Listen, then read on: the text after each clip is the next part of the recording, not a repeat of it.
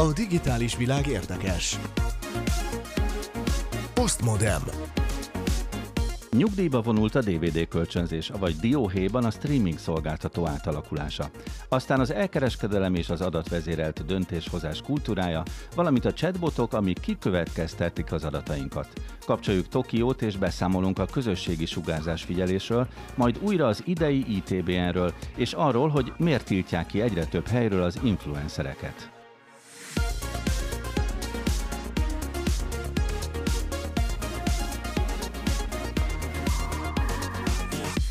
Kellemes rádiózást kívánok a szerkesztő Kovács Tücsi Mihály nevében. A mikrofonnál Szilágy Árpád.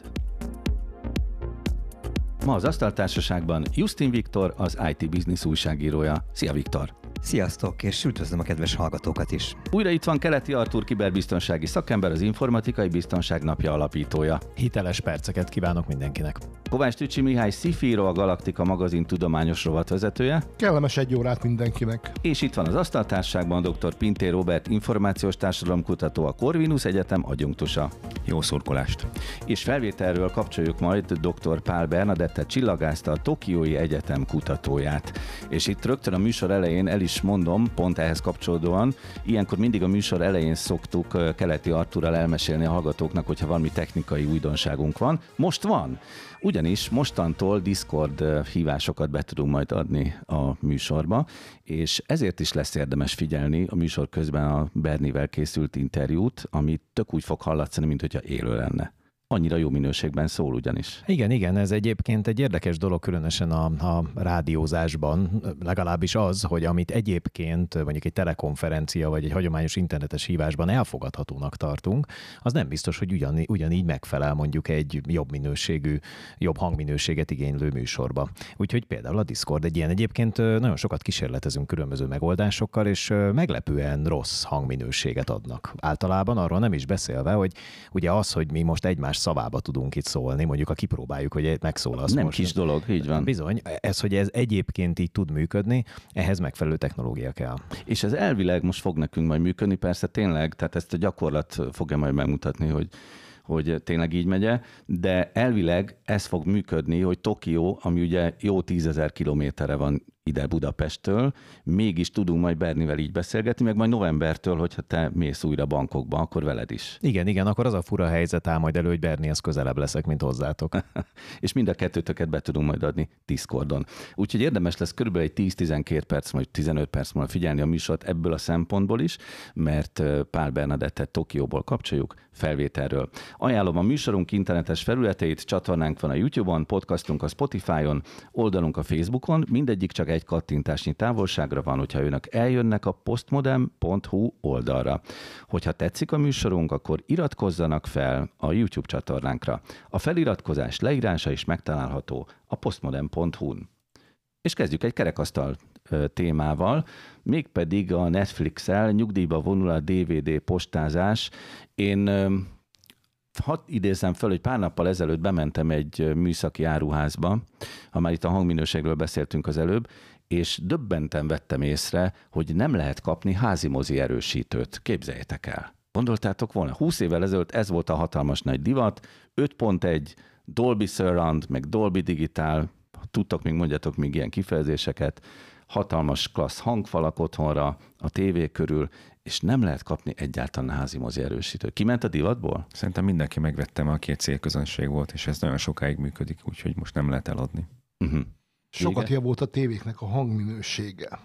Tehát ö, én is, amikor négy éve, három évvel ezelőtt villámcsapás érte a házat, és a tévének annyi lett, akkor vettem egy új tévét, a régi plazma vettem egy újat, és teljesen megdöbbentem, hogy mennyit javult a tévéknek, a, hála a ritka mágneseknek, mennyit javult a hangszóróknak a minősége.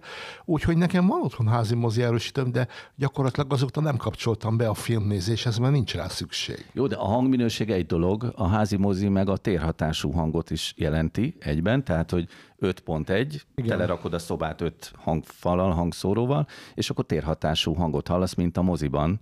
És úgy tűnik, mintha ez nem lenne annyira fontos, mint amennyire gondoltuk ezt a 2000-es évek elején, és ahogy a quadrofon hangzás is a 70-es évek elején volt, aztán elmúlt.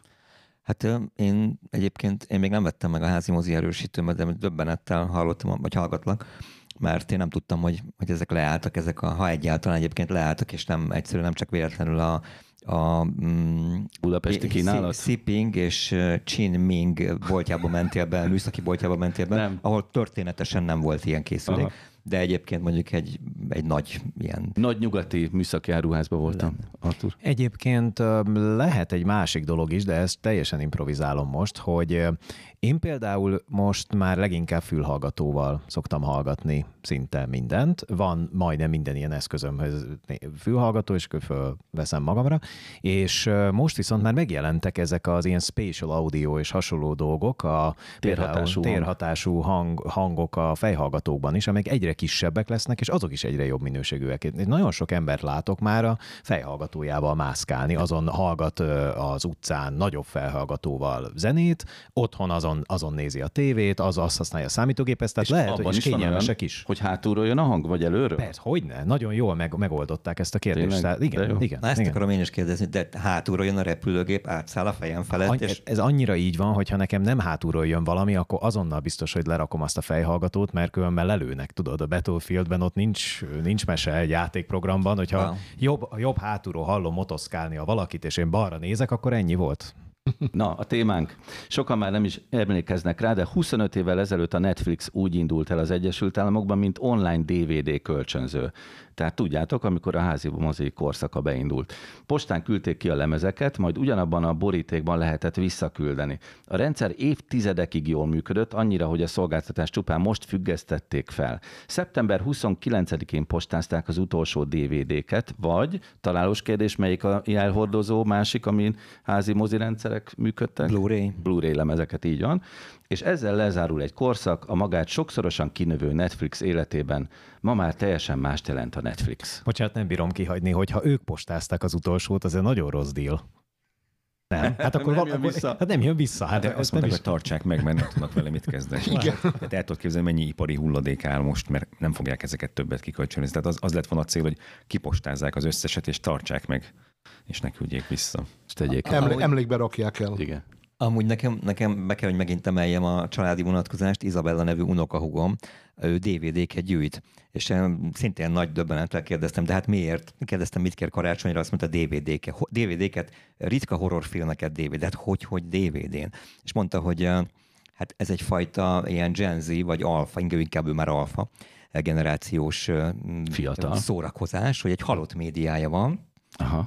Vett neki az apja egy DVD lejátszót, van hozzá egy kis tévéje, és ez az egész, ez, ez valami ilyen bizarr játékszett, amihez vannak a DVD lemezek, és azt csak így be kell tenni, és ez megy.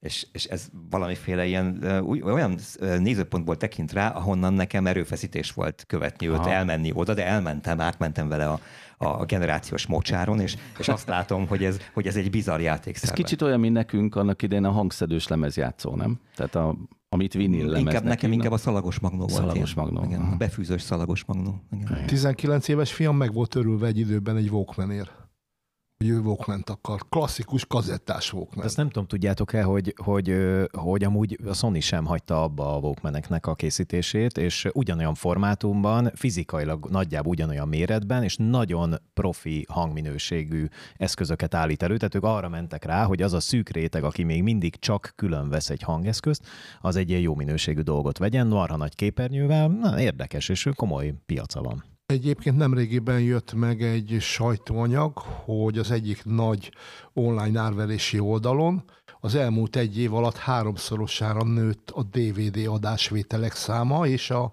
különböző aukciókon egyre komolyabb pénzek van, úgyhogy 40-50 ezer forintért megy el egy-egy ritkaságnak számító DVD.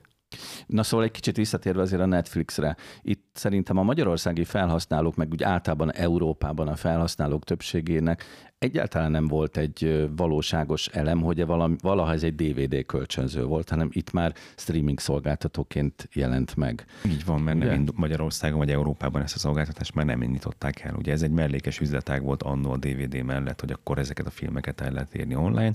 Aztán annyira jó ment, hogy ez lett ugye a nagy testvér, és most a kisöcsit egyszerűen elkaszálták. Mondjuk 180 millió dollárt azért csinálnak belőle, úgyhogy aki valaki kommentelte ezt a HVS vicciket, odaért, hogy azért ez, ez, most már nekik apró pénz, vagy ezért már fáj lehajolni. Miért nem adták el az egészet úgy, ahogy van, és akkor megszabadultak volna gyakorlatilag az öt raktártól, meg az egész üzletáktól. Hát én, a, a, a, én emlékszem, hogy halára idegesített ez a DVD terület, mert ugye oda kattintottam a valamire, hogy meg akarom nézni, és akkor kiírta, hogy DVD megkaphatom, csak nem küldik ki oda, ahol vagyok. Tehát, hogy akkor ne tegyék oda. Tehát, hogy engem, engem, engem ez bozasztóan zavar, és egyébként még most is van jó néhány olyan streaming szolgáltató, akinél, akinél érzékelek ilyen problémákat, tehát, hogy ez a ott van, de nem lehet a tied. Szóval szerintem az alapkérdés az, nyilván ez egy rég lejátszott kérdés, de mégis fölte, fölteendő kérdés, hogy akkor innentől csak a streaming marad?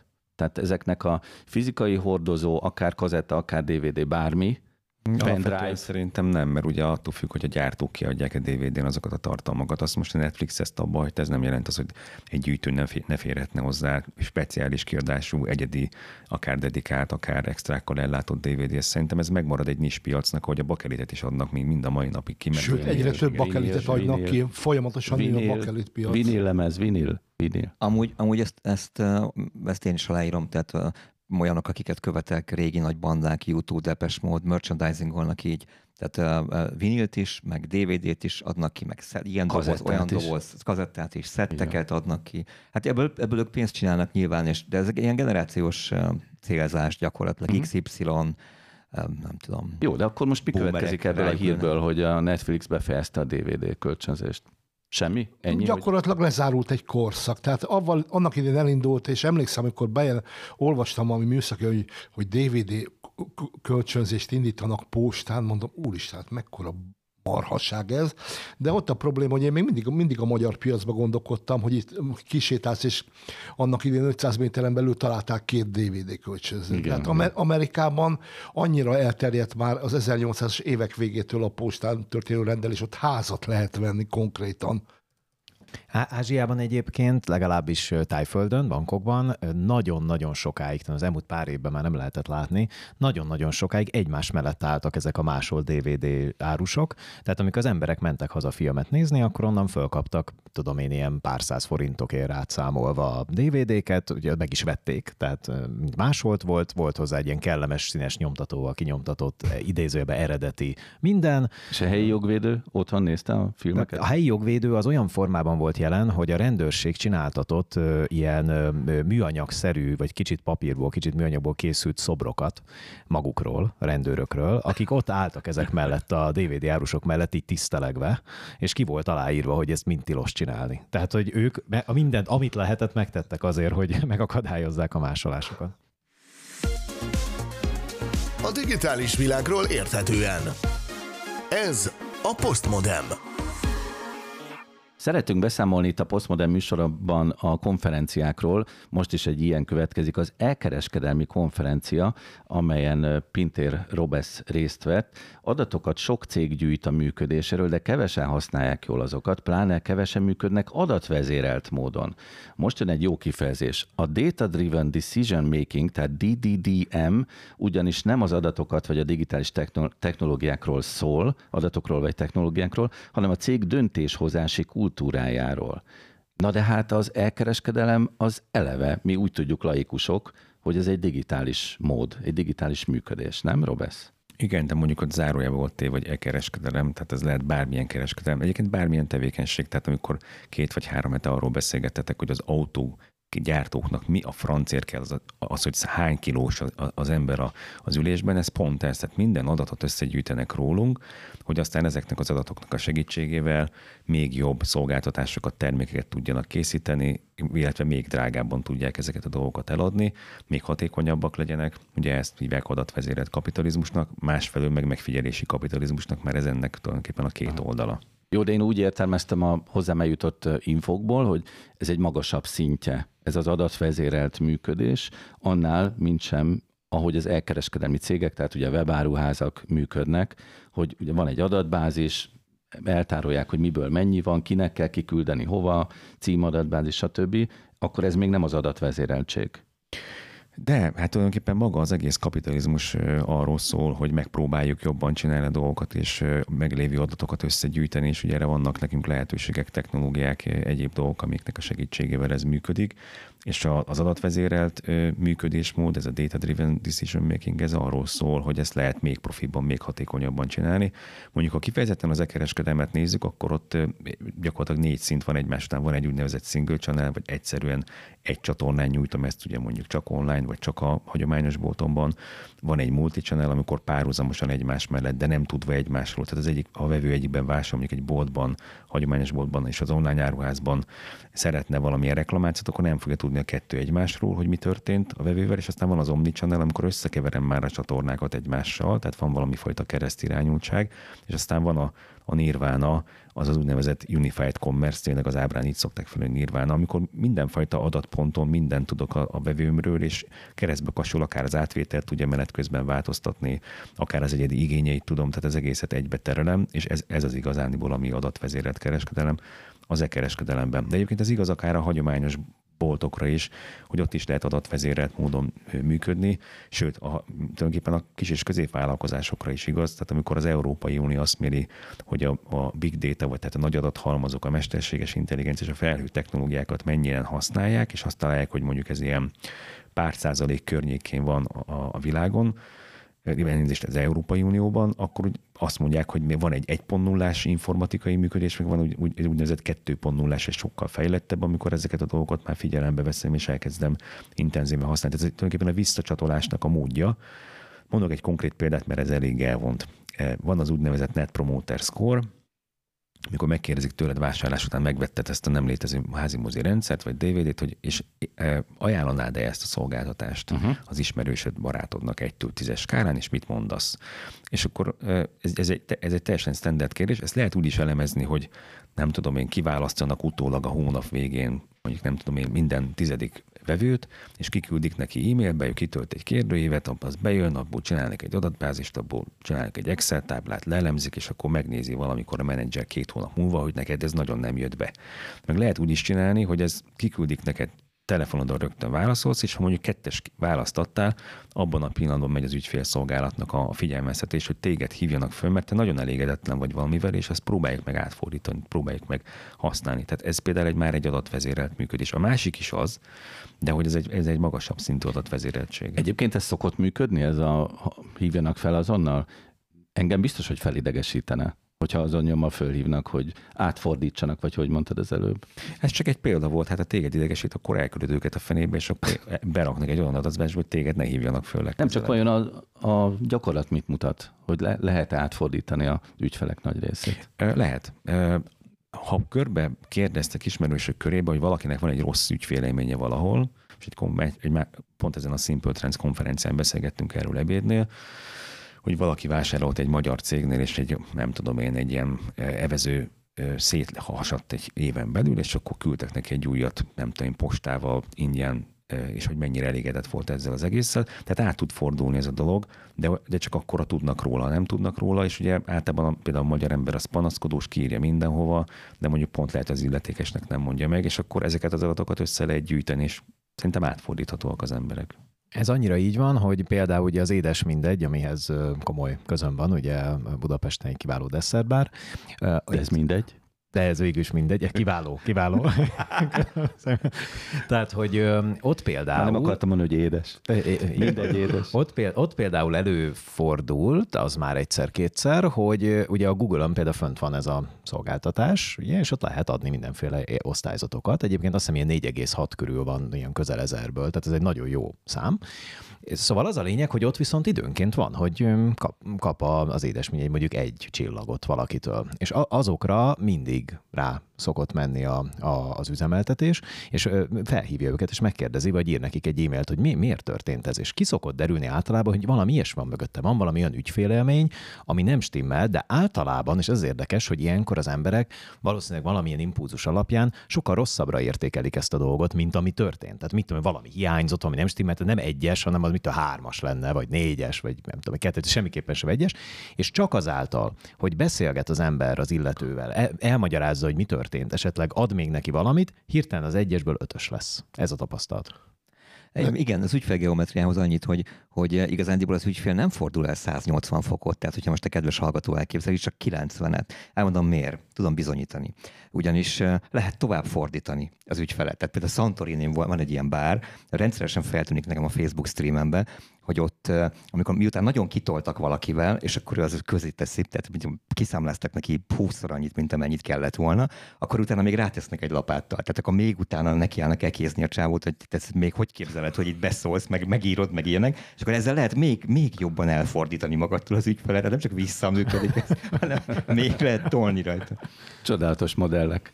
Hát gondolom, hogy a későbbiekben még újabb modelleket lehet. Én még az a kérdésem fogalmazódott meg bennem, hogy, a, hogy döntéshozói kultúrát fogalmaztál meg, Robesz, mint kifejezés, hogy ezzel azt is mondod, hogy kicsit növelni kéne, vagy emelni kellene ezt a kulturális szintet? Igen, nagyon röviden, mert közben lejárt az időnk, hogy, hogy ez nem a technológiáról szól ez az egész, ez a szervezeti kultúráról, a döntéshozás módjáról szól, hogy egy szervezet hogyan működik, és ezt nagyon nehéz megváltoztatni, mert kultúrát nehéz változtatni. A digitális világ érdekes. Postmodem. Justin Viktor újságíró évek óta itt van az Asztal Társaságban, és azt is tudjuk róla elég hosszú ideje, hogy szereti piszkálni a chat robotokat, mindenféle üzenetekkel beszólogatsz nekik, meg próbálod piszkálni őket olyan irányba, ami nem feltétlenül a, hát hogy mondjam, szóval nem, nem feltétlenül a szabályoknak megfelelő. mondd el. De ez egy nagyon veszélyes gyakorlat, mert hogyha egyszer öntudatra lel, akkor az egyik első rakéta ide fog becsapódni, és arról csak el, ő fog én már, és én mindannyian már, meghal, mind meghalunk. Én már elmondtam nektek, ezt én, ezt én mondtam el nektek, meg minden kedves hallgatónak, hogy csak óvatosan, mert amikor a, az utolsó ember leszel, és a, robotok e, ezt ne bánsd, ez, ez, ez jót mondott rólunk. Nem, én nem, én nem vagyok egy eh, chat, chatre hergelő, ha erre gondoltál de viszont szeretek, szeretek dolgozni velük. Nagyon, nagyon produktív eszközöknek tartom őket végtelenül, és nagyon örülök, hogy elérkezett végre az LLM kora, tehát örülök, hogy ezt... ezt LLM, mint Language, large language large model, language model. Na, igen, nagy nyelvi modelleknek a kora, még nem nevezném mesterséges intelligenciának, bár ugye közkeletűen így hívjuk, de hát jó, jó, ez, jó, jó ez a kor, amiben élünk nagyon, és még jobbakat is megfogunk, még izgalmasabbakat is meg fogunk érni, úgy érzem. Szóval itt az adatvezérelt döntéshozás után arról is szót ejthetünk, hogy a nagyvállalatok mindent tudni akarnak rólunk, nem veszük észre, hogy egy sokkal rafináltabb technológia kíváncsi minden adatunkra. A mesterséges intelligenciájú chatbotok mindent tudni akarnak rólunk, amit még nem árultunk el, azt kikövetkeztetik. Igen, és sajnos itt is egy nagyon régi megoldásomat kell megismételnem újra. Tehát valóban így van, a chatbotok mindent tudni akarnak rólunk, és nagyjából mindent meg is tudnak, a kontextusból kimasolázzák. Tehát ha például, ha például felteszel egy kérdést, és véletlenül azt, azt írod benne, hogy a Blahán, akkor tudni fogják, hogy Budapesten élsz. Sőt, tovább megyek, ha megdicsérsz egy közelbe levő desszertbár, például az édes mindegyet, azt, azt, azt állítanád, hogy ez kitűnő, ez a desszertbár, akkor azt is tudni fogják, hogy valami között van a 13. Valószínűleg vagy 13. kerület környékén mozogsz, vagy de hát mindenképpen oda fognak geolokálni téged, geolokációba rakni, ahol ez az említett étterem, vagy, vagy desszertbár, vagy hely, hely van. De rosszul emlékszem, hogy ez eddig is működött a reklámkiszolgálóknál az interneten. Tehát, hogy a viselkedésünket bizonyos Igen, adatokból csak kikövetkeztették. Ott ugye, azt ugye azt bannolhatod, tehát abból kioptolhatsz, azt kikapcsolhatod azt a Aha. switch, azt a kapcsolót, hogy, hogy ezt tudják rólad, vagy ne tudják, de ugye egy, egy chat robottal, azzal azért beszélgetsz. Tehát ott felteszel kérdéseket, hát főleg, ha belemelegettek, úgy mind a ketten, és elkezdtek ö, mélyebben elmerülni a témába, akkor lehet, hogy megadsz olyan információkat, aminek alapján aztán egyre több mindent fognak tudni rólad. Például a jellemzően egy svájci kutatás megállapított, hogy a raszt, tehát hogy milyen színű a bőröd, a vagyoni helyzetedet, arra lehet majd, tehát például, hogyha ha esetleg második, tizenkettedik kerületi, vagy első kerületi, vagy Budapesten, akkor valószínűleg egy, inkább egy AB kategóriás vagy. Hát ezt ugye tudjuk, hogy a hirdetőknek végtelenül értékes információ, de te nem feltétlen szeretnéd, hogy ők megtudják. Na hát viszont az OpenAI tudni fogja, és ugye ott is van apró betű, amit természetesen mindenki elolvasott, és pontosan vissza tud idézni, de helyett senki, és hát abban megvan adva, hogy átadhatják harmadik feleknek, át is adják, innentől kezdve igazándiból mindent közlünk velük, és nagyon gyors lezárásként csak így a várjál, maga... Várjál, várjál, te most egy nagy figyelmeztetést fogalmazol meg a hallgatóinknak, igazándiból nem. Arra nem. is vigyázzanak, hogy a chatbotnak mit mondanak Na, el? Ezt, ezt mondanám, hogy az én módszerem az nem, az nagyon profán leszek, még mindig bibliai, tehát ez az ide lőjetek, Uh, ugye a ChatGPT-t például custom instructions-el kell feltöltened, ami egy saját magadról megadott nagyon komoly adathalmaz, ahhoz, hogy jobban ki tudja szolgálni a te kérdéseidet, meg ügyesebben válaszoljon. Én még mindig azt mondom, hogy a legjobb védekezés az, ha mindent megadsz magadról. Tehát, hogy most, mi ez a bujkálás? Hát vagy, vagy az ellenkezője, hogy elkezded mondani, hogy egyébként most úgy véletlenül megjegyzem, hogy vettem egy Lamborghini-t, viszont van egy rendkívül, rendkívül szegény családom. és, és egyébként tegnap, tegnap használt egy traktort, igen, és vette, egyébként te, te, tegnap szétvásároltam magam az interneten, de közben már gyakorlatilag mindenkinek tartozom, és akkor gyakorlatilag egy összezavarod a kontextussal az AI-t, hogy akkor most gazdag, szegény, vagy mi, mit lehet ezzel csinálni? Amúgy igen. igen, mint ahogy az egyik humorista mondta, hogy ha egyszer megnyeri a lottóötöst, akkor rögtön fölteszik a kérdést, hogy ki, akkor ő megmondja, hogy ő egy szegény vasmegyei őz vagy asszony, 83 éves, és biz, így biztosítja az anonimitását. De egyébként általában ezek mögött, az elemek mögött azért milyen cégek vannak? Tehát Google, Microsoft, Facebook. Tehát könyörgöm, nehogy azt gondoljuk, hogy ezek nem ismernek minket, hiszen iszonyatos mennyiségű adatponttal vannak ellátva. Tehát, hogy azt attól parázni, hogy akkor én most nem azt mondom, azért nem mondom, hogy Blaha, mert hát a tudja, tehát ott van az IP címemtől kezdve az összes korábbi browsing. Jogos. Tehát a böngészési történet meg egyebek, tehát hogy Hát meg itt is működik, hogy akár létrehozhatsz másik profilt, ami alól megkérdezhet bármi más, de nem? de nem? Nem annyira jellemző, hogy az OpenAI-nál egy profilokkal, meg nem is engedik annyira, de persze megteheted, de nem, ez, nem az a, ez nem az igazi megoldás. Az igazi megoldás szerintem az, hogyha ezt elfogadod. Tehát, hogy, ahogy, ahogy Robesz is mondta, meg Artur is, hogy ezt, ezt tudjuk, benne van a pakliban, ha, ha nincs, ha, ne, ha nem fizetsz, te vagy az áru, az adataid az áru, tehát uh-huh. téged adnak el. Mondjuk az fontos, hogy az Európai Unió most szabályozta ezt, hogy a 45 millió felhasználónál több van, ott bizony te opt tényleg. Hogy aztán ezt most megcsinálják-e, vagy kivonulnak Európából, mint hogy az X most tervezi, vagy a Twitter, hogy emiatt hát igen. kimegy Európából, ez egy nagyon érdekes dilemma. En, ennek mi a jelentőség, amit mondtál? Hogy olyan új szabályozást vezetett be a, az Európai Unió, nem sokára hatályba lép, hogyha 45 milliónál több felhasználja, vagy talán lehet, hogy 40. Mint például a Facebook, Például ugye? a Facebook, Twitter, tehát minden ilyen nagy szolgáltató, akkor nagyon komoly szabályok vonatkoznak rá, meg kell mondani, hogy hogyan követnek téged, mert most nem tudjuk pontosan, valami ja, van az adatvédelmi nyilatkozatban, és azt mondhatod, hogy én nem. Én azt szeretném, hogy engem egy teljesen idegen emberként kezeljenek, és én az összes posztot látni szeretném az összes ismerősömtől, és majd én eldöntöm, hogy hogy legyen, és nekem semmifajta algoritmus ne legyen bekapcsolva. És négy hónapot adtak egyébként a cégeknek, hogy ez adaptálódjanak. És erre mondta azt az X Maszkal, hogy akkor goodbye, lehet, hogy mi megyünk, és köszönjük szépen, ennyi volt. Szerintem, a, Unió. szerintem az EU-s döntéshozók, ezek komoly VPN befektetők, én erre tippelni. Mert hogy ezzel meg lehetne kerülni? Hát igen, ha valaki nem akar ebben, nagyon örülök, hogy itt az új szabályozás, ideje volt, sokkal korábban kellett volna, és keményebben oda csapni. Végre. De, de hogy semmi értelme az egésznek, meg, meg hogy nehezítik, meg az X mindjárt kivonult, szóval nem áll. Egy nagyon rövid megjegyzést még hozzátennék, hogy egy ehhez hasonló megérkezik az AI-ra is, és ott is nagyon hasonló szabályok jelentkeznek majd, hogy ha bizonyos dolgokat csinálsz mesterséges intelligenciával, mint cég, akkor olyan transzparencia szabályok vonatkoznak rád, ami szerintem kezelhetetlen, tehát ne csináld. Körülbelül ez lesz, hogy ennek mi lesz az eredménye, hogy itt mi ülünk majd egy ilyen skanzenben, és így papírkönyveket lapozgatunk, és egymásnak meséljük, hogy mit vehetnénk, hogyha nyugaton élnénk, azt nem tudom. A digitális világról érthetően. Ez a Postmodem. A hallgatóink számára most egy kis kulisszát szeretnék elárulni, ugyanis ez a felvétel, ami most éppen hallható a rádióban, az élőadásunk előtt egy nappal készül itt a Postmodem stúdiójában, és ennek egyetlen oka az, hogy Pál Bernadett csillagász, a Tokiói Egyetem kutatója már megérkezett Tokióba, de még egy elég komoly jetlaggel kínlódik. Igaz, Berni? Igen, tulajdonképpen soha nem vagyok álmos, de folyamatosan fáradt vagyok. Tehát aludni nem tudok, de cserébe ébren lenni sem.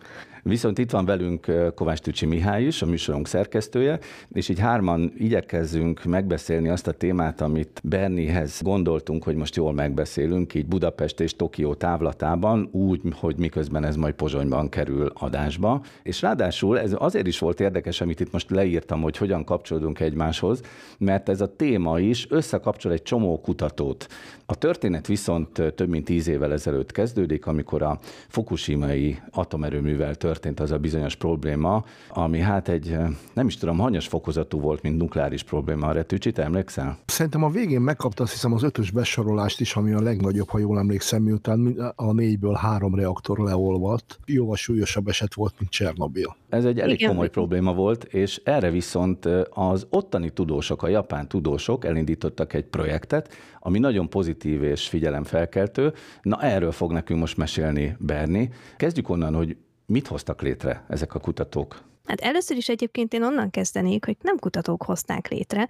Én megnéztem a, az alapítókat, meg a, a mostani vezetőséget, és hát itt a, a marketingtől kezdve a mindenféle különleges beosztásig mindenkit találtam, de én effektíven nem találtam kutatót közöttük, hanem ez egy olyan embereknek az összeszövődése lett, akik már tapasztaltak voltak mondjuk business management, meg ilyesmik területén, és nagyon zavarta őket, hogy a fukushimai katasztrófa után nem elérhető szabadon információ a levegőnek az állapotáról, arról, hogy mennyi potenciálisan ionizáló sugárzás van a levegőben, és ezért úgy döntöttek, hogy létrehoznak egy saját hálózatot. Tehát akkor ez egy részben civil, részben az üzleti szférához kapcsolódó uh-huh, ügy. Pontosan. Egy picikét emlékeztet a, a magyar időkép.hu-nak a hálózataira, ahol teljesen civil embereket kapcsolnak hálózatba, úgy, hogy az időjárás állomásaik bejelentik, hogy tudom én, hol mennyi, hány fok van, meg van-e szél, esik az eső, itt a nukleáris szennyezésről van szó, meg arról, hogy mekkora a háttérsugárzás, ugye? Uh-huh, igen, igen, gyakorlatilag teljesen hasonló a rendszer.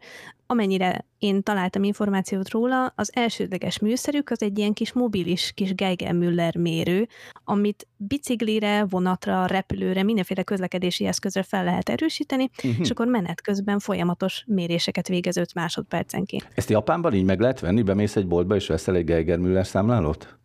Az a baj, hogy sajnos nem, sőt, én a, a honlapjukon keresgéltem, hogy milyen árakban kell gondolkodni, de annyit találtam erről, hogy az utóbbi években nagyon felfutott a népszerűsége ezeknek a mérő szerkentyűknek, úgyhogy emiatt egyrészt megjelentek a piacon kevésbé megbízható eszközök, másrészt pedig ugye sokkal nagyobb a kereslet ezekre, úgyhogy nehezebb szállítani. Úgyhogy lehet, hogy emiatt most átmenetileg nem elérhető, de egyébként igen, én úgy vettem le a honlapon levő információkból, hogy egyébként csak így mondjuk rendelnék tőlük egyet, és utána felrakom a saját kocsimra, vagy hogyha egy olyat választok, amilyen statikusan méricskél, akkor azt kiteszem az erkére, és akkor tudnám föltölteni a közös adatbázisba ezeket a mérési adatokat. Tücsi, az előbb Igen. Berni már pont mondta, hogy egyre népszerűbbé vált ez a hálózat. Tegnap arról beszélgettünk, hogy ez ráadásul már Japán földrajzi határait is túllépte. Tehát ez egy világra szóló hálózat lett. Ahogy néztem, végül is a világon most már több mint 5000 telepített eszközük van, legalább ennyi közreműködővel, és összesen most már 102 országban mérnek. Igen. Ha az ember fölmegy a honlapjukra, a safecast.org-ra, ott egy térképen meg lehet nézni az adatokat, és annyira jól meg van csinálva ez a térkép, hogy gyakorlatilag a műszerek látszik, hogy milyen sokan használták autóból ezt a bizonyos kilógatható műszert, mert rengeteg országúton végig rohanva mutatta a mért eredményeket, ami viszont nagyon örvendetes mérési eredmény, hogy sehol sem talál, lehetett találni kiugró értékeket, mindenhol ilyen szép, megnyugtató hát még kék jó. zónákat mutatod. Aha. Hm, néztem a legfrissebb híreiket, és itt a, a nyár, tavaly nyár környékéről voltak híreik, hogy hát amint megindult az orosz-ukrán konfliktus mellettünk, ők indítottak egy ilyen Geiger Müllerek Ukrajnáért hashtaggel akciót, és a nagyon rövid idő alatt több mint 300 ezer mérést végeztek a Csernobili atomerőmű és a másik atomerőműnek a környékén, aminek most hirtelen nem jut eszembe a neve, hogy ellenőrizzék, hogy továbbra is minden rendben van. Tehát például ez is egy ilyen gyors, a népességet megnyugtató reakció volt, ami szerintem tök jó, hogy ilyen kezdeményezés létezik.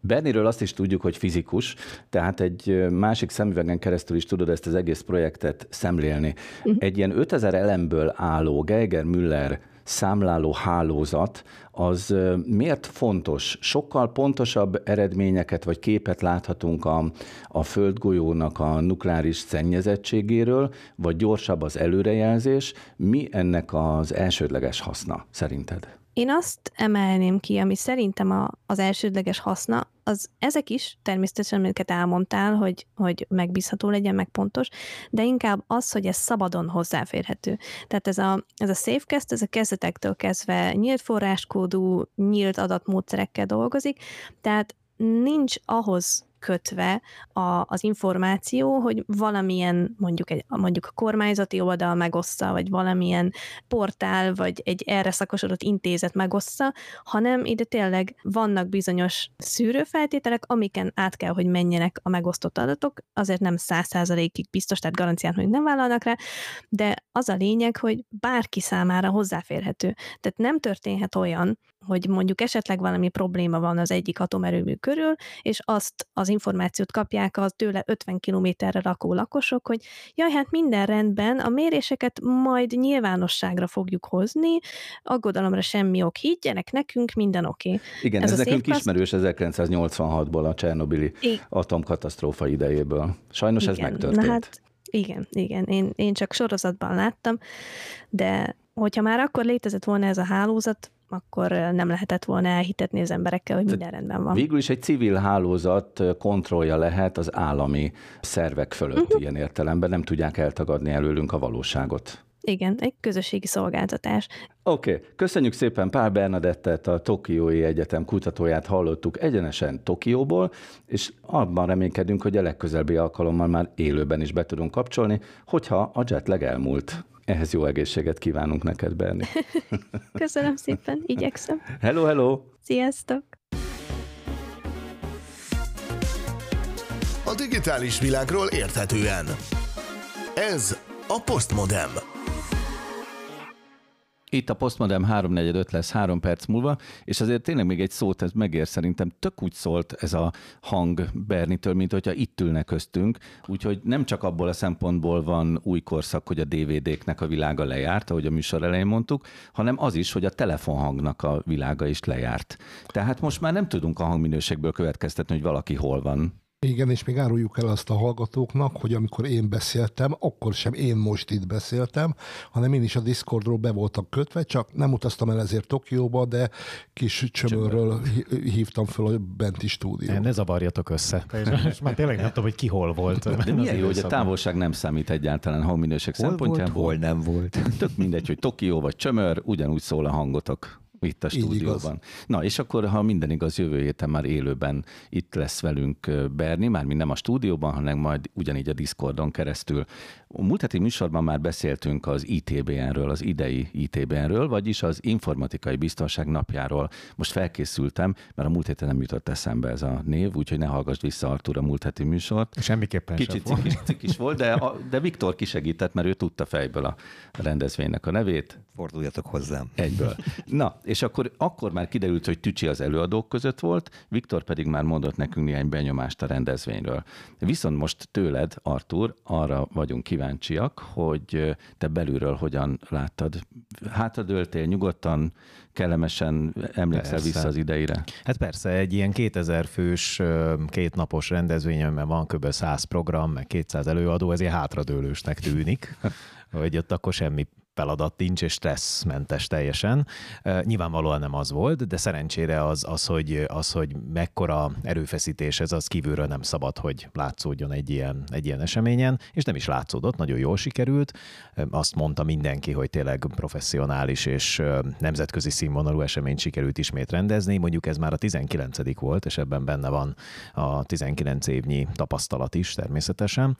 És hát ami, ami különösen fontos volt, hogy az összes olyan olyan program, amit részben már be is harangoztunk, azt, azt végre is tudtuk hajtani. Például nagyon jót beszélgetett egymással Köves Lómó és Hodász András a mesterséges intelligencia és a vallás kapcsolatáról.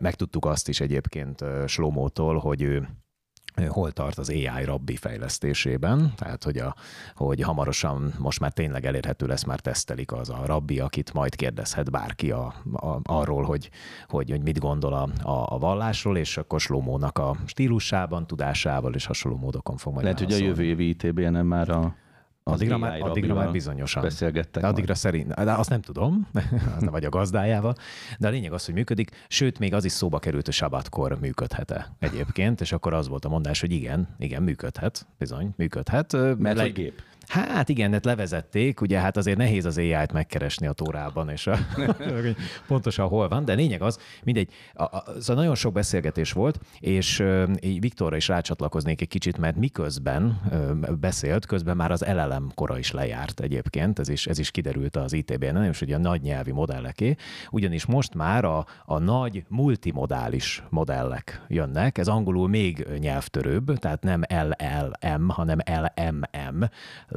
Large Multimodal Model angolul. Tehát, Remekül hangzik. Ugye? Ugye szuper, szuper. Küzdködnek is vele az influencerek a YouTube-erek.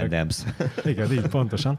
És ez pedig azt jelenti, hogy ezek a rendszerek, ezek most már látnak is, de gyakorlatilag ma akár a ChatGPT-be is fel lehet csatolni egy képet, és a képről meg is tudja mondani, hogy azon mi található. Úgyhogy a rendezvényen is nagyon sokat beszéltünk erről, például Egor Zakarovval, aki ugye Monalizát megbeszéltette, és 2018-19 környékén meg is jelentette ezt a, ezt a technológiát, és ő ismét eljött, és beszélgetett egy John ha Megbeszéltette, ha jól emlékszem, azt, hogy Monaliza szája megmozdul a Pontosan, képen, így van. És beszél, tehát úgy, hogy nem, tehát nem derül ki számodra, vagy a laikus számára nem derül ki, hogy ez egy digitális trükk, hanem tényleg olyan, mint hogyha Mona Lisa beszél. Igen, igen, és, és akkor még nem a hang volt ebben a lényeg, most már az is fontos, meg az, hogy Mona Lisa-nak a hangjára szerintem kevesen emlékeznek, hogy milyen lehetett. Szóval, hogy nem bár, az volt a lényeg. keringenek a Facebookon olyan képek, ahol Leonardo és Mona Lisa egy képen van, így összeborulva. Ja, Mosolyognak igen. a fényképezőgépben. Igen, igen, igen. igen. Tényleg egy olyan jópofa hitelesnek tűnő dolog. De pont ez a lényeg, hogy, hogy igen, ők azt a technológiát valósították meg egy kutatócsoporttal, hogy hogyan lehet egy darab fényképről, vagy festményről, mint a Mona Lisa, egy, egy úgynevezett vezérlővel, tehát egy másik embernek a mozgásával, vagy mozgását ráemelni erre az egy darab fotóra, és ezt realisztikusan megmozgatni. És ennek a beszélgetésnek, amit egyébként John Salamonnal folytattak, aki, aki pedig azt kutatja, hogy hogyan lehet a dezinformációs rendszerekbe a mesterséges intelligenciát beemelni, nagyon érdekes, nagyon érdekes dolgokról volt itt szó, hiszen az volt a lényeg, hogy tulajdonképpen úgy tűnik, hogy pár éven belül teljesen elveszíthetjük a, a valóságérzékeléshez a kapcsolatunkat. Tehát gyakorlatilag bármi, amit látunk digitálisan, az lehet már egy hamisítvány, attól teljesen függetlenül, hogy, hogy az valós vagy, vagy nem valós, hogy valaki, hogy valaki hogy csinálta, és így rákötnék arra, amit mondta az előbb, hogyha valakinek a hangját ilyen tökéletesen halljuk, akár tízezer kilométerről, akkor az, hogy ez a hang, ez például olyan klónozási módszerekkel, amiről szintén szó volt a rendezvényen, például hangklónozás és hangmódosítás, és itt a hallgatók is hallhatták, hogy én a saját hangomat hogyan klónoztam le különböző nyelveken. Szóval, hogyha ezek a különböző dolgok, amiket ma érzékelünk, ezek ennyire valósághűek lesznek, akkor már tulajdonképpen semmit nem hihetünk el. És erről a, erről a gondolatról nagyon sokan beszélgettünk még, például Gyires Tóth Bálint is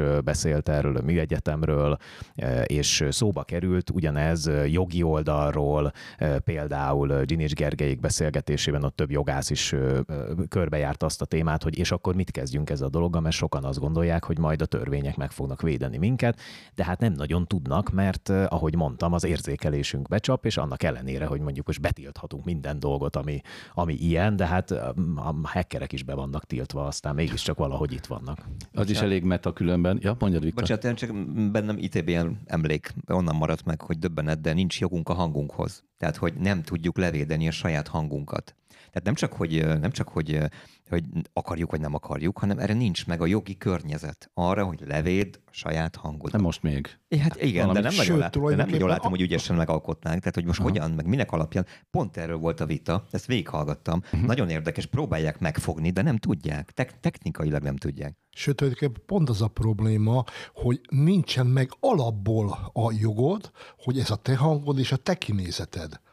Már ez hiányzik. Őrület. Igen, és aztán például Rabárpád, ugye ki ismert jövőkutató, például Grósz Judittal a, a, az RTL egyik vezetőjével pont arról beszélgetett, hogy, a, hogy a, a, az üzleti hitelességet hogyan tudják megőrizni, például a médiaszervezetek. Tehát, hogyha ilyen, rendszere, ilyen rendszereket gyártanak, akár jó, akár rossz céllal, amiben lemásolhatnak bármilyen anyagot, akkor hogyan tudja az ember azt garantálni, hogy amit mondjuk a tévében leadnak, vagy egy médiacég lead, az egy valós dolog, és nem kell utána minden percben magyarázkodnia, hogy ja, amit leadtunk, arról mi is azt hittük, hogy valós valódi, de valójában kiderült, hogy mégsem az, vagy csak félig az, vagy nem tudjuk mennyi szint, mennyi, milyen szintig. Tehát ez igazán, igazán egy komoly probléma. És amit még kiemelnék, az az, hogy, a, hogy minden évben, és ezt nem biztos, hogy tudják a, hallgatók, mi kiszoktuk osztani egy díjat, az informatikai biztonság napja díj, díját, amit ösztönzőleg különböző területeknek szoktunk adni, és például idén kiemelnék egy nagyon érdekes dolgot.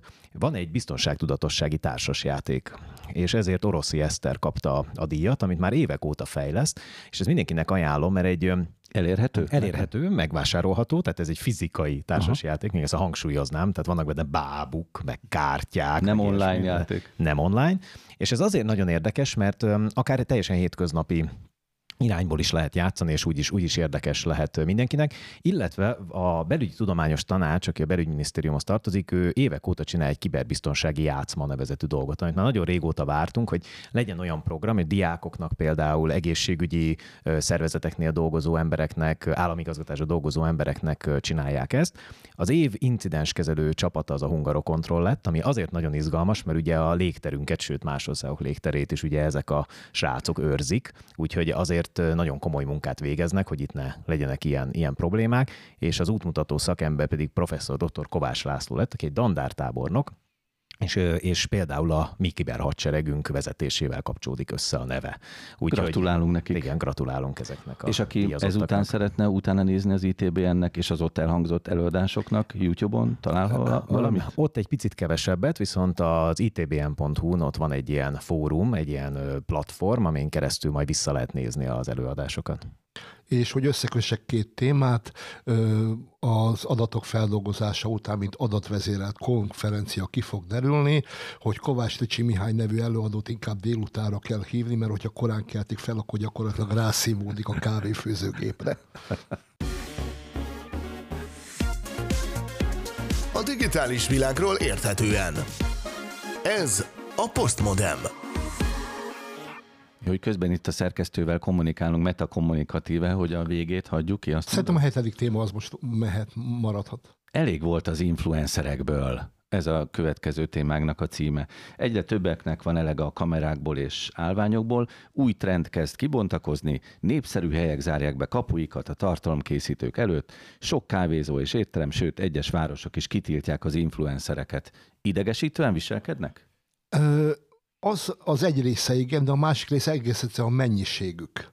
Tehát annyi, annyi hogy mennyi ebből az influencer, és mennyi a képzelt influencer, aki magát influencernek képzeli.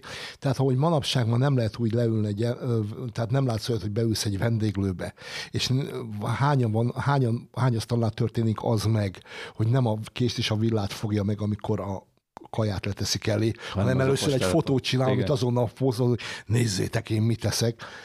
Tehát de az... mindenki ezt csinálja, de hogy ki ebből az influencer? De, bocsánat, nem, nem, én megmondom nektek, az influencer az nem ott veszi elő a telefonját. Az, tehát először jön be a telefonja az éttermetbe, és csak utána ő. Ez így elől van igen, a telefonja. Igen. És a, a telefonja kvázi az ugye azért van ott, hogy az így rögzítse, hogy ő valahol éppen létezik és van. Hát ők attól, ők attól általában ezek a, ez a típus, akik tiltanak, vagy akik miatt tiltják az összeset, ezek, ezek attól híresek, hogy vannak, hogy léteznek, és aztán botrány csinál, és nem tartja be a szabályaidat, és kikéri magának, vagy, vagy egy nagyon nem, nem, nem megfelelő öltözetbe érkezik. Bár pusztán csak azért, hogy megszegje a szabályaidat, hogy megnézze, hogy ilyenkor mi történik, mert hogy azt ő is nagyon jól tudja, a média szakember az illető, azért ezt valljuk be, hogy hírt kell verni Na hát ezt, ezt csinálja, és harsányan, és általában közönségesen, és ez a, szerintem ez a baj velük. Hogy... Na, de akkor mégiscsak idegesítőek. Ö, egy részük ilyen, tehát ez, ez a, erre megy rá, de ott van a sok önjelölt, illetve kisebb. Úgy hívják őket, hogy mikroinfluencerek, oh. akik olyanok, hogy bemennek egy kávézóba, egy étterembe, aztán le, leparkol egy állvány. És, és nem látszik. Mikro. Igen leparkol egy állványjal, és fotózza az ételeket, a szomszédasztalokat, a pincéreket, a kiszolgálás, minden, és nem egy úgy távozik, hogy ő nem is rendel semmit.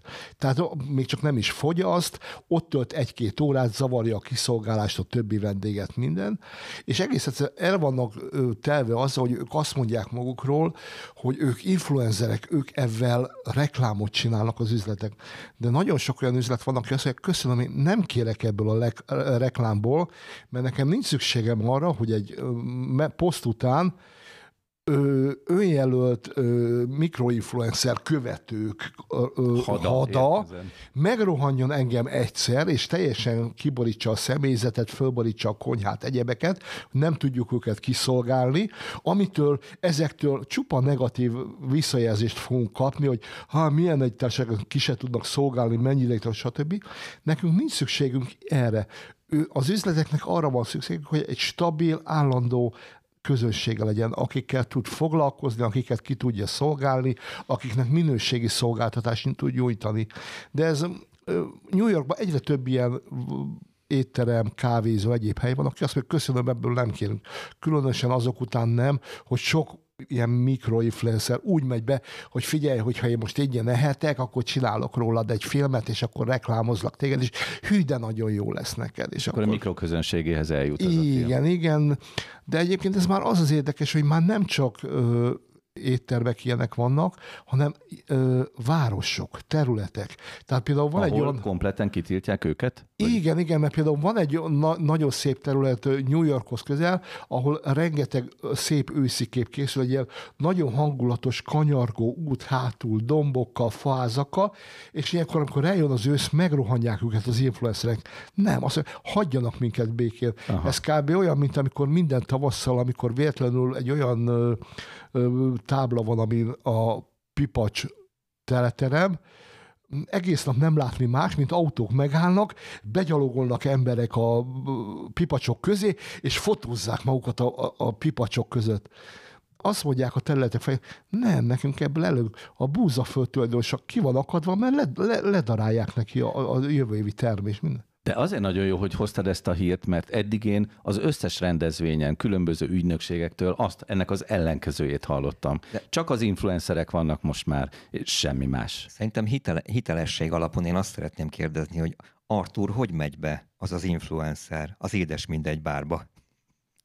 Hát, hát ez én, édes mindegy neki szerintem, hogy menj, csak menjen. Csak hogy a poén a teljes ki. spektrumát végighallgassuk.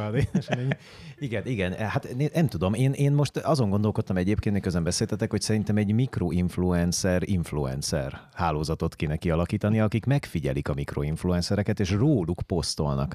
Tehát, hogy megint itt van egy, egy kicsit ilyen metás, metás dolog. Egyébként én, én nem csodálkozom ezeken a, ezeken a dolgokon. Azt is hozzá kell tenni, hogy azért egyre, egyre, egyre összetettebb most már az, hogy mondjuk egy helyet hogyan értékelnek, tehát mi múlik, hogy ez jó vagy nem jó. De most itt ez arról szól, hogy kipukkant egy lufi, vagy csak egy, egy nem jelenségnek csak arról, hogy az éttermeknek van elege. De egyébként, ha belegondoltak, a Tücsi is mikroinfluencer, az Artur is, én is, tehát nekünk van egy saját közönségünk, na, egy adott na, területen hitelesek na, vagyunk, Viktor na, is egyébként köszönöm. elnézést. Nem, mert Viktor, te makroinfluencer vagy. Köszönöm. Mezo. Mezo, mezo influencer. valaki jól látja itt a dolgokat, akkor ez... és, és mondjuk, ha mi is, ha ordinári módon viselkedünk valahol, akkor, akkor szerintem el, elég belőlünk, de ha hitelesen viselkedsz, és mondjuk egy konferencián, vagy olyan helyre mész be, és úgy csinálod, akkor ez szerintem teljesen rendben van. Én nem érezném, hogy ez kipukkat. Na jó, de azért figyelj, nem, nem szoktunk úgy bemenni valahol, hogy én most itt ingyen fogok enni, meg ávány látványjal lefotózni. Hát hozzá szoktunk menni, de ez meg van beszélve. Igen, tehát ez egy inga jelenség. Most már úgy is hívják, hogy deinfluencer. Tehát ez az, ez az, igen. Megvan az jelenség, hogy azt mondja, köszönöm, elegünk van ebből. Az influencer telenítés. Igen, igen. Semmiképpen nem fog elmúlni, csak ez meg kell találni mindennek a maga saját megfelelő helyét, ki mennyire hiteles. Tehát én is már láttam itt Budapesten egy kávézóból kikergetni valakit a tulajdonos által, hogy édes fiam, ló pikula vagy te, de nem influencer. Szóval majd jó, megmondom a közösségemnek, mondom, én meg alatta kommentelni fogom, hogy hogy viselkedtél itt, bunkó, paraszt, és akkor majd megtudják ők is, hogy milyen ember vagy te. Tehát ez egy, lehet, hogy itt is be fog indulni egyfajta tisztulás itt is föllép majd, hogy ki a hiteles, ki mennyire hiteles, hogy lehet, ki akar ebből megélni, úgy ki tud ebből megélni. Esetleg influencer hatóság, nem tudom, kezdeményezhetem. Ja, én Brüsszelben javasolnám. Igen, egy influencer törvényt hozzon Brüsszel minél hamarabb. Eddig tartott a mai Postmodem, köszönöm a részvételt dr. Pál Bernadettnek, Justin Viktornak, Keleti Artúrnak, Kovács Tücsi Mihálynak, dr. Pinté Robertnek és a hangmester kollégáknak Budapesten Orsós Józsefnek és Pozsonyban Kubányi Péternek. Jelentkezünk pontosan egy hét múlva viszontlátásra a YouTube-on, viszonthallásra a Pátia Rádióban. Szilágyi Árpádot hallották.